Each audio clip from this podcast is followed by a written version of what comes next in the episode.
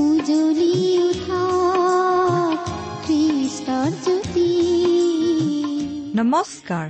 আমাৰ মৰমীয়াল প্ৰভু যীশুৰ মহান নামেৰে আপোনাক এয়া ভক্তিবচন অনুষ্ঠানলৈ আদৰিছো।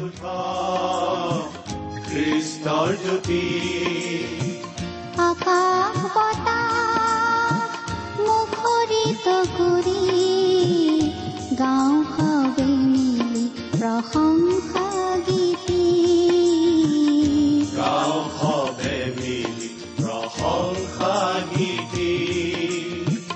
আজিৰে পবিত্ৰ ক্ষণতে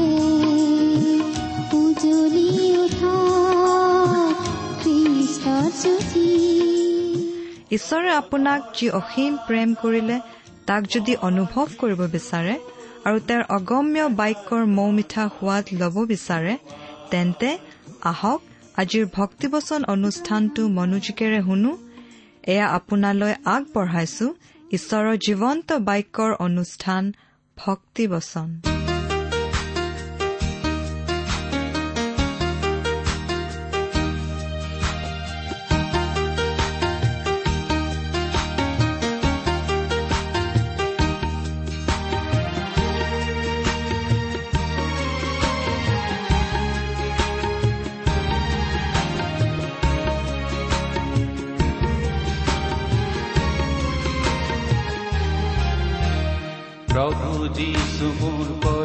পৰিত্ৰাতা তেওঁৱে জীৱনদাতা জীৱন পথতো তেওঁৱে কথা মোৰ জ্যেষ্ঠ প্ৰভু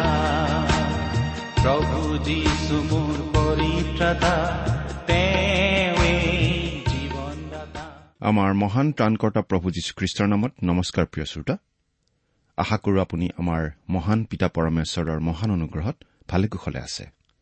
লগতে এই বুলিও আশা কৰিছো যে আপুনি আমাৰ এই ভক্তিবচন অনুষ্ঠানটো নিয়মিতভাৱে শুনি আছে। আমাৰ বহুতো শ্ৰোতাই আমালৈ চিঠি পত্ৰ লিখি থাকে আৰু এই অনুষ্ঠান শুনি তেওঁলোকে উপকৃত হোৱা বুলিও আমাক জনায় আৰু তেনেকুৱা চিঠিবোৰে আমাক কাম কৰি যাবলৈ যথেষ্ট উৎসাহ যোগায়। আপুনিও আমালৈ দুষাৰিমান লিখি পঠিয়াবচোন। এই অনুষ্ঠান সম্বন্ধে আপোনাৰ মতামত জনাই দুষাৰিমান আজিয়ে লিখি নপঠিয়াই কিয়? আমাৰ ঠিকনা? ভক্তিবচন টি ডাব্লিউ আৰ ইণ্ডিয়া ডাক পাকচ নম্বৰ সাত শূন্য গুৱাহাটী সাত আঠ এক শূন্য শূন্য এক। ঠিকনাটো আৰু এবাৰ কৈছো ভক্তিবচন টি ডাব্লিউ আৰ ইণ্ডিয়া ডাক পাকচ নম্বৰ সাত শূন্য গুৱাহাটী সাত আঠ এক শূন্য শূন্য এক। আহকচোন আজিৰ বাইবেল অধ্যয়ন আৰম্ভ কৰাৰ আগতে খন্তেক প্ৰাৰ্থনা কৰো। আমাৰ স্বৰ্গত থকা মৰমীয়াল পিতৃ ঈশ্বৰ তোমাক ধন্যবাদ জনাওঁ কাৰণ তোমাৰ মহান বাক্য বাইবেল শাস্ত্ৰ অধ্যয়ন কৰিবলৈ তুমি আমাক আকৌ এটা সুযোগ দান কৰিছা। তোমাক শতকোটিবাৰ ধন্যবাদ জনাওঁ কাৰণ তুমি তোমাৰ একেজাত পুত্ৰ যীশুখ্ৰীষ্টৰ জৰিয়তে আমালৈ অনন্ত জীৱনৰ আশীৰ্বাদ বিনামূল্যে আগবঢ়াইছা। এতিয়া তোমাৰ বাক্য অধ্যয়ন কৰিবলৈ ওলাইছো তোমাৰ বাক্য তুমিয়েই আমাক বুজাই দিয়া। আমাৰ মৰমৰ শ্ৰোতাসকলক উপচি পৰাকৈ আশীৰ্বাদ কৰা। তেওঁলোকৰ সকলো প্ৰয়োজনৰ কথা তুমিহে ভালদৰে জানা আৰু সেই সকলো তুমিয়েই পূৰণ কৰা। কিয়নো এই প্ৰাৰ্থনা আমাৰ মহান ত্ৰাণকৰ্তা প্ৰভু যীশুখ্ৰীষ্টৰ নামত আগবঢ়াইছো। আমেন।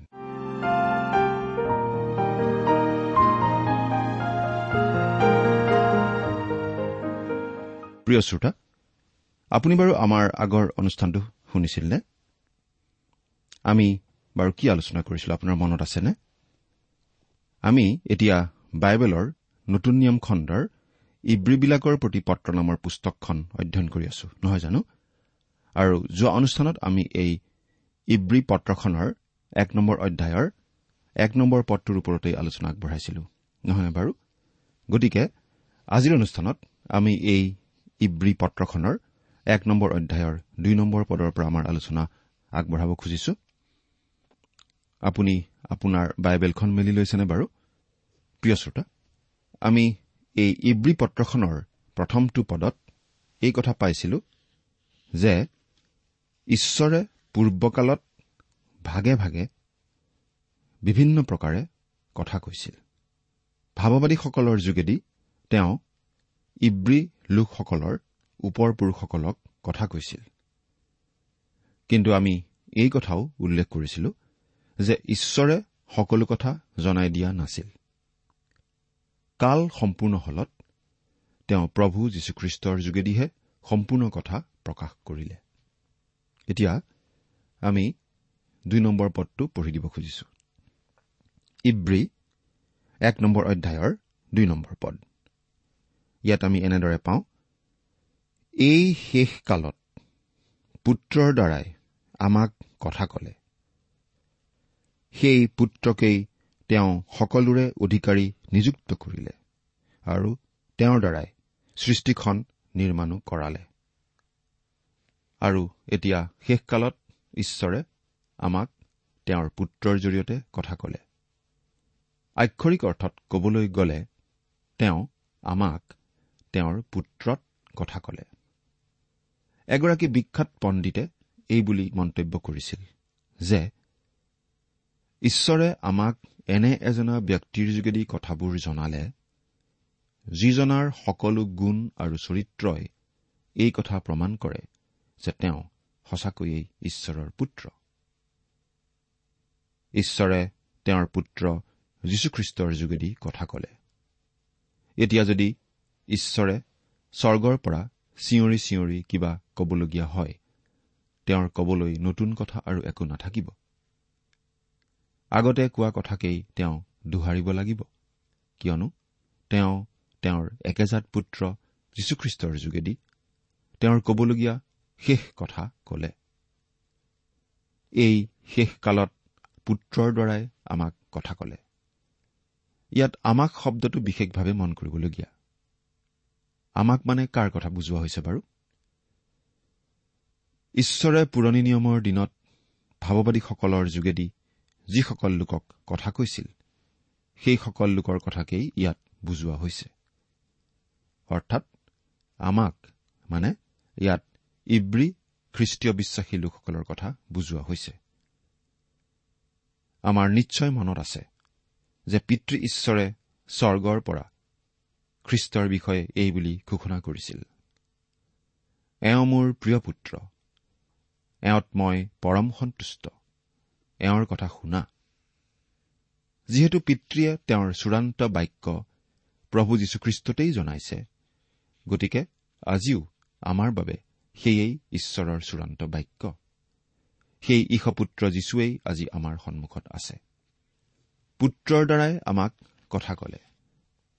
গতিকে খ্ৰীষ্ট পুৰণি নিয়মৰ দিনৰ সকলোবোৰ লিখকতকৈ শ্ৰেষ্ঠ কাৰণ ঈশ্বৰৰ সকলো প্ৰকাশ তেওঁত পূৰ্ণ কৰা হৈছে। তেওঁতেই সমগ্ৰ পুৰণি নিয়ম সিদ্ধ হয় আৰু তেওঁই পিতৃ ঈশ্বৰৰ চূড়ান্ত বাক্য মানুহক জনায়। প্ৰায় দুহেজাৰ বছৰ আগতে এই পৃথিৱীত থাকোতে প্ৰভু যীশুৱে এনেদৰে কৈছিল পিতৃৰ যি যি আছে সেই সকলো মোৰ। এই হেতুকে মই কলো মোৰ যি আছে তেওঁ তাৰ পৰা লৈ তোমালোকক জনাব। জোহনে লিখা শুভবাৰ্তা ষোল্ল নম্বৰ অধ্যায়ৰ পোন্ধৰ নম্বৰ পদ। গতিকে পবিত্ৰ আত্মা ঈশ্বৰে জোহন আৰু জাকুব আৰু ডক্তৰ লুক পিতৰ আৰু পৌল আৰু নতুন নিয়মৰ আন আন লিখকসকলৰ যোগেদি আমাক ঈশ্বৰৰ পূৰ্ণ প্ৰকাশ জনাইছে। ঈশ্বৰে জনাবলগীয়া সকলো কথা এনেদৰে আমাক জনাই দিছে। এতিয়া প্ৰভু যীশুৰ শ্ৰেষ্ঠতাৰ বিষয়ে কথা কোৱা আমি ইয়াত পাম। এই বিষয়ে সাতটা অতুলনীয় মন্তব্য আগবঢ়োৱা হৈছে। আমি এই বিষয়ে নিশ্চিত যে আচলতে আমি কোনেও এই সাতোটা মন্তব্যৰ প্ৰকৃত অৰ্থ সম্পূৰ্ণকৈ বুজি পাব নোৱাৰো আৰু আনকো আমি আচলতে সম্পূৰ্ণকৈ বুজাই দিব নোৱাৰো। প্ৰথমটো হৈছে সেই পুত্ৰকেই তেওঁ সকলোৰে অধিকাৰী নিযুক্ত কৰিলে। সেই পুত্ৰকেই তেওঁ সকলোৰে অধিকাৰী নিযুক্ত কৰিলে। এইটো বিশেষভাৱে মন কৰিবলগীয়া কথা। প্ৰভু যীশুখ্ৰীষ্টই হৈছে সকলো বস্তুৰ অধিকাৰী সকলোৰে উত্তৰাধিকাৰী। এইখিনিতে নিশ্চয় এটা প্ৰশ্ন উঠিব। জোহন এক নম্বৰ অধ্যায়ৰ তিনি নম্বৰ পদত আমি এই বুলি পঢ়িবলৈ পাওঁ তেওঁৰ দ্বাৰাই সকলোৱেই হ'ল আৰু যি যি হ'ল সেইবোৰৰ এটাও তেওঁৰ বিনে নহল। অৰ্থাৎ এই সৃষ্টিখন প্ৰভু যীশুৰেই কাৰণ তেওঁই সকলোবোৰ সৃষ্টি কৰিছে। এইবুলি আমাক ঈশ্বৰৰ বাক্যত কোৱা হৈছে। এই সকলো তেওঁৰেই। গতিকে তেওঁনো আকৌ সকলো বস্তুৰ উত্তৰাধিকাৰী কেনেকৈ হ'ল? তেওঁতো ইতিমধ্যেই সকলোৰে অধিকাৰী। এইখিনিতে আমি মনত ৰখা উচিত যে তেওঁ নিজৰ গাত আমাৰ মানৱীয়তা ললে। অৰ্থাৎ তেওঁ ঈশ্বৰ হোৱা স্বত্তেও শতকৰা এশ ভাগ মানুহ হৈ এই পৃথিৱীত জন্ম ললে। মানৱ জাতিৰ প্ৰথমজন মানুহক এই সৃষ্টিখনৰ ওপৰত আধিপত্য দিয়া হৈছিল। এই কথাটো আমি বৰ বেছি বহলাই নকলেও হ'ব কাৰণ আদি পুস্তকত মাত্ৰ কেইটামান শব্দৰ মাজেদিয়েই অতি গুৰুত্বপূৰ্ণ মন্তব্য আগবঢ়োৱা আমি পাওঁ। ঈশ্বৰে মুচিৰ যোগেদি যিখিনি কথা আদি পুস্তকত জনাই দিছে অতি কম কথাৰ মাজেৰেই অতি গুৰুত্বপূৰ্ণ কথা জনাই দিছে। আদি পুস্তকৰ প্ৰথম এঘাৰটা অধ্যায় মুচিয়ে অতি কম কম চুটি চুটি কথাৰেই লিখিছিল। তেওঁ অতি চুটি চুটিকৈ লিখিছিল। আদি পুস্তকৰ এক নম্বৰ অধ্যায়ৰ ছাব্বিছ নম্বৰ পদত আমি এই বুলি পঢ়িবলৈ পাওঁ। পাছে ঈশ্বৰে কলে আমি নিজৰ প্ৰতিমূৰ্তিৰ দৰে আমাৰ সাদৃশ্যেৰে মানুহ নিৰ্মাণ কৰোঁহক সিবিলাকে সমুদ্ৰৰ মাছ আকাশৰ চৰাই খৰচীয়া পশু সমুদায় পৃথিৱী আৰু পৃথিৱীত বগাই ফুৰা সকলো জন্তুৰ ওপৰত অধিকাৰ চলাওক। যেতিয়া ঈশ্বৰে মানুহক গোটেই জগতখনৰ ওপৰত আধিপত্য দিয়া বুলি লিখিছে তাৰমানে তেওঁ মানুহক আচলতে এজন আগশাৰীৰ বাগিচাৰক্ষক বা মালিৰ স্থান দিয়া নাই। গোলাপৰ জোপোহাবোৰ কাটি কুটি চাফা কৰি ৰাখিবলৈ নাইবা গছ গছনি কলম দি ৰাখিবলৈ তেওঁ মানুহক আচলতে সৃষ্টি কৰা নাই। আদমে আচলতে সেই কাম কৰা নাছিল। আদমৰ আচলতে গোটেই জগতখনৰ ওপৰত আধিপত্য আছিল। সেই আধিপত্য ঈশ্বৰে দিছিল। আধিপত্যৰ সম্বন্ধ আছে শাসন ক্ষমতাৰ লগত। গতিকে সকলো সৃষ্টি আদমৰ অধীন আছিল। আমি ভাবো যদিহে কোনো ঠাইত আদমৰ বাবে বেছি পানী বা বৰষুণৰ প্ৰয়োজন হৈছিল সেই কথা মুখেৰে কলেই হৈছিল। আমি ভাবো সেই সময়ত আদমেই এই জগতখনত সম্পূৰ্ণ আধিপত্য চলাব পাৰিছিল। কিন্তু সকলো সলনি হৈ গ'ল। আদমে যেতিয়া পাপ কৰিলে তেতিয়া সেই নিয়ন্ত্ৰণ আদমে হেৰুৱাই পেলালে। আদমৰ লগতে গোটেই মানৱ জাতিয়ে সেই নিয়ন্ত্ৰণ সেই অধিকাৰ সেই ক্ষমতা হেৰুৱাই পেলালে। কিন্তু যেতিয়া প্ৰভু যীশু এই পৃথিৱীলৈ আহিছিল তেওঁ মানুহৰূপে এই পৃথিৱীলৈ আহিছিল। মানুহ হৈ তেওঁ এই পৃথিৱীলৈ আহিছিল। তেওঁ সকলো দিশতেই অলৌকিক কাৰ্য কৰিছিল। তেওঁ মানুহৰ শৰীৰৰ ওপৰত নিয়ন্ত্ৰণ চলাইছিল। তেওঁ প্ৰকৃতিৰ ওপৰতো নিয়ন্ত্ৰণ চলাইছিল। তেওঁ ধুমুহা বতাহ শান্ত কৰিব পাৰিছিল। তেওঁ পাঁচ হাজাৰ মানুহক খুৱাব পাৰিছিল মাত্ৰ পাঁচোটি পিঠাৰে। অৰ্থাৎ আদমে যি যি হেৰুৱাইছিল সেই সকলো প্ৰভু যীশুৱে পুনৰুদ্ধাৰ কৰিছিল। প্ৰভু যীশুৱেই সকলো বস্তুৰ উত্তৰাধিকাৰী হ'ব আৰু বাইবেলত এই বুলিও কোৱা হৈছে আমি প্ৰতিজন খ্ৰীষ্টীয় বিশ্বাসীয়েই ঈশ্বৰৰ উত্তৰাধিকাৰী। ৰমিয়া আঠ নম্বৰ অধ্যায়ৰ ষোল্ল আৰু সোতৰ নম্বৰ পদ দুটা পাঠ কৰি দিম। আমি যে ঈশ্বৰৰ সন্তান এই বিষয়ে পবিত্ৰ আত্মাই নিজে আমাৰ আত্মাই সৈতে সাক্ষ্য দিয়ে। আৰু যদি সন্তান হওঁ তেন্তে উত্তৰাধিকাৰীও হওঁ। অৰ্থাৎ খ্ৰীষ্টে সৈতে গৌৰৱান্বিত হবলৈ যদিহে আমি তেওঁৱে সৈতে দুখ ভোগ কৰো তেহে আমি ঈশ্বৰৰ উত্তৰাধিকাৰী আৰু খ্ৰীষ্টে সৈতে উত্তৰাধিকাৰী হওঁ। আমাক খ্ৰীষ্টে সৈতে উত্তৰাধিকাৰী বুলি কোৱা হৈছে। এইটো বিশেষভাৱে মন কৰিবলগীয়া কথা।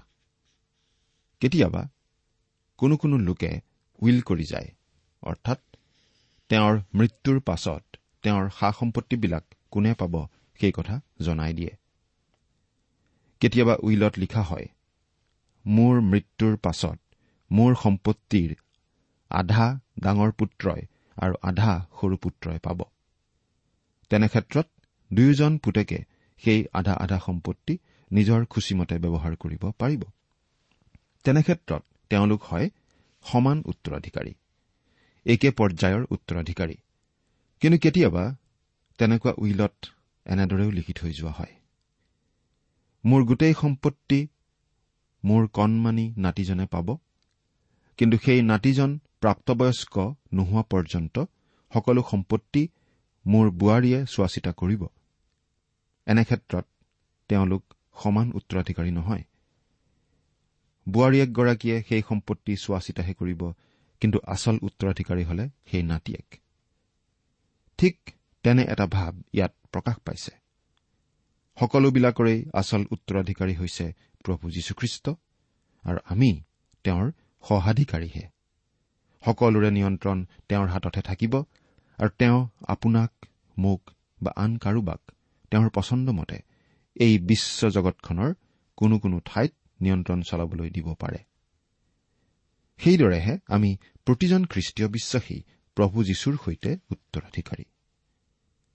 আমাৰ এনে এক উত্তৰাধিকাৰ আছে যি অক্ষয়নীয় কেতিয়াও ক্ষয় নহয় যি পবিত্ৰ যি নিষ্কলংক আৰু এই উত্তৰাধিকাৰ আমাৰ বাবে স্বৰ্গত আজি সংৰক্ষিত আছে। আমি এই উত্তৰাধিকাৰ লাভ কৰো। প্ৰভু যীশুৱে আমাৰ বাবে কৰা সীমাহীন অতুলনীয় কাৰ্যৰ বাবে। আদমে যি হেৰুৱাইছিল সেয়া প্ৰভু যীশুৱে উদ্ধাৰ কৰিছিল। কেৱল সেয়ে নহয় প্ৰভু যীশুৱে আমাক তেওঁৰে সৈতে উত্তৰাধিকাৰী পাতিলে। সকলোৰে উত্তৰাধিকাৰ আচলতে প্ৰভু যীশুৰহে। তেওঁহে সকলোৰে গৰাকী আৰু উত্তৰাধিকাৰী। আমি যিমান দূৰ জানো পুৰণি নিয়মত কোনো ভাৱবাদীকেই তেওঁ উত্তৰাধিকাৰ প্ৰতিজ্ঞা কৰা হোৱা নাই।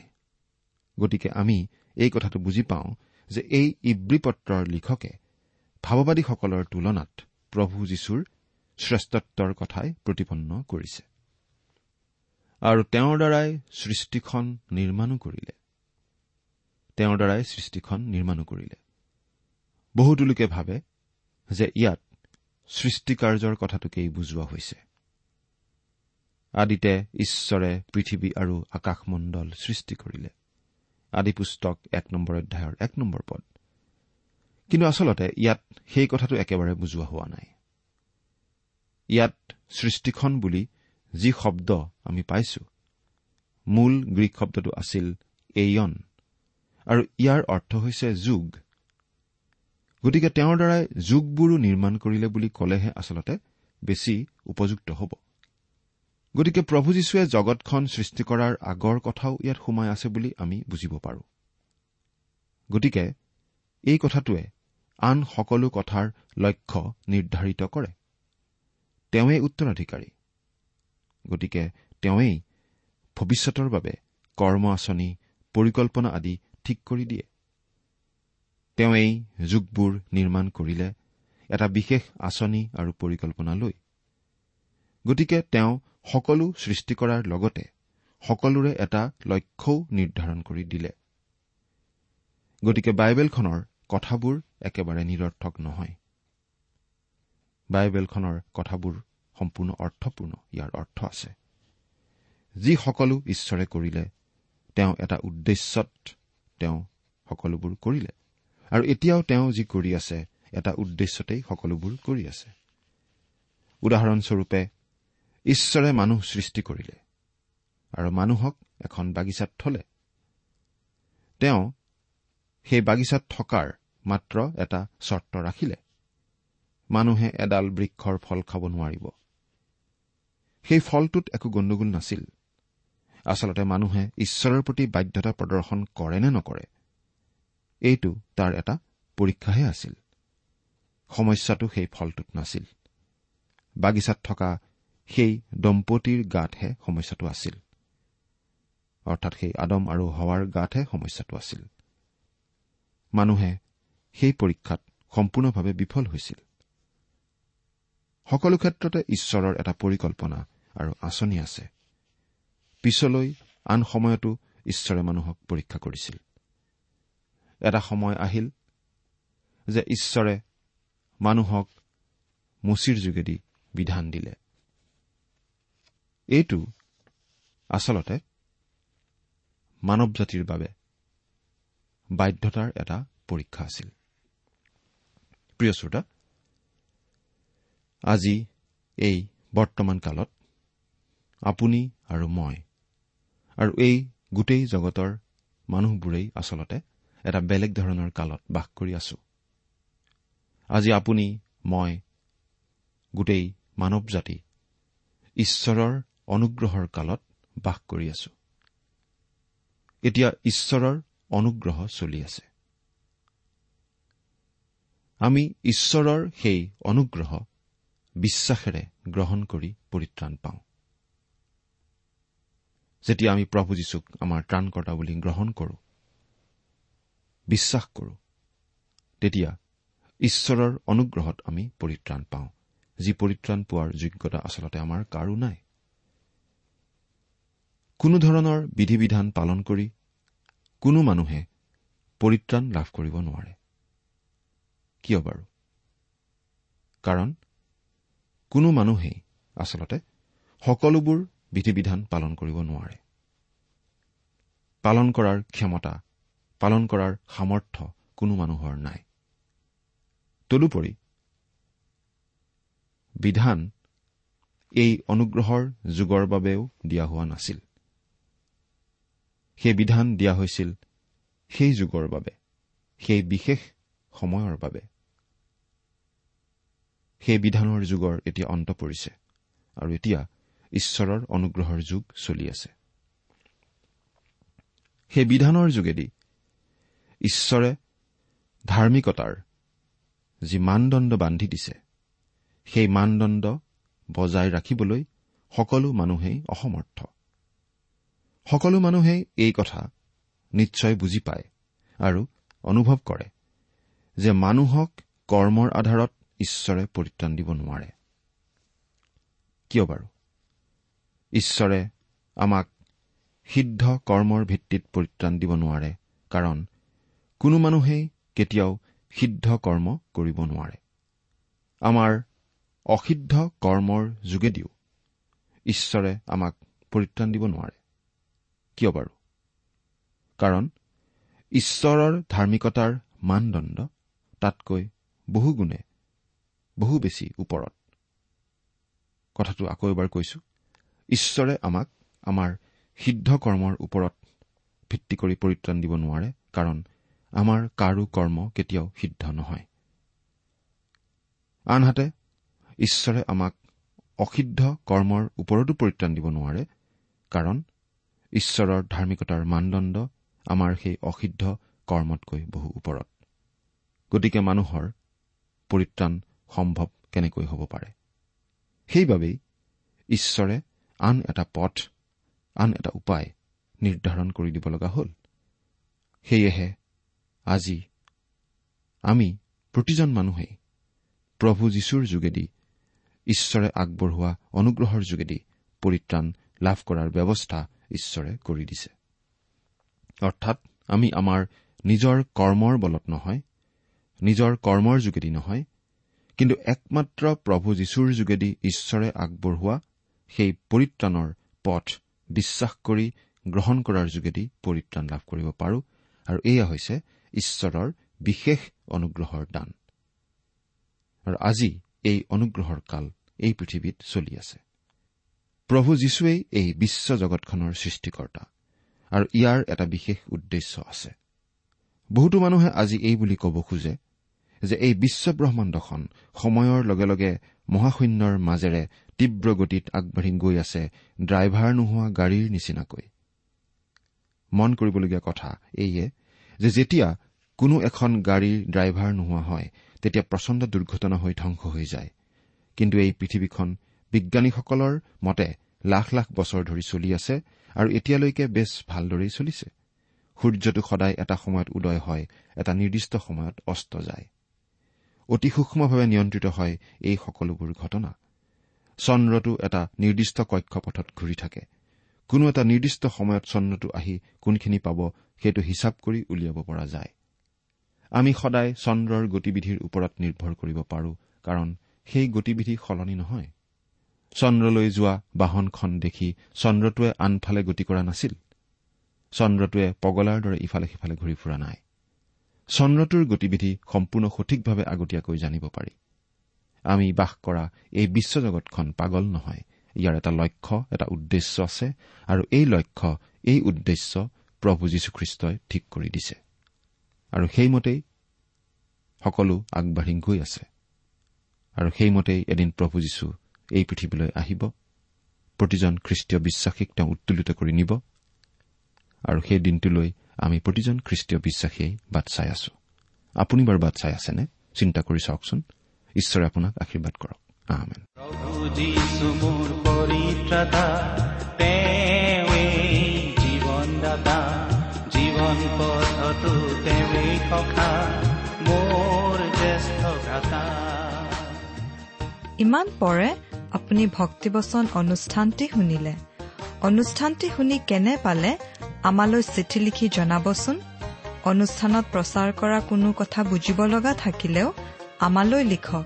আমাৰ ঠিকনা ভক্তিবচন টি ডাব্লিউ আৰ ইণ্ডিয়া ডাক পাকচ নম্বৰ সাত শূন্য গুৱাহাটী সাত আঠ এক শূন্য শূন্য এক।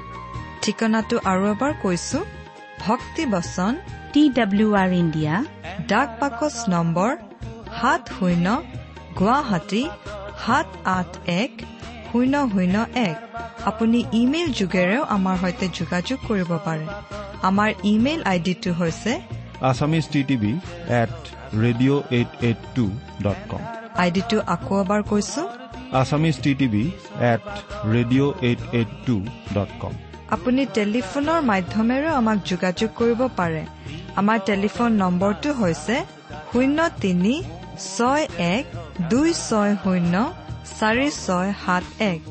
ফোন নম্বৰটো আকৌ এবাৰ কৈছো zero' three six one two six zero' four six seven one. আজিৰ অনুষ্ঠানটি ইমানতে সামৰিছো। ঈশ্বৰৰ শান্তি আৰু অনুগ্ৰহ আপোনাৰ লগত থাকক। ধন্যবাদ।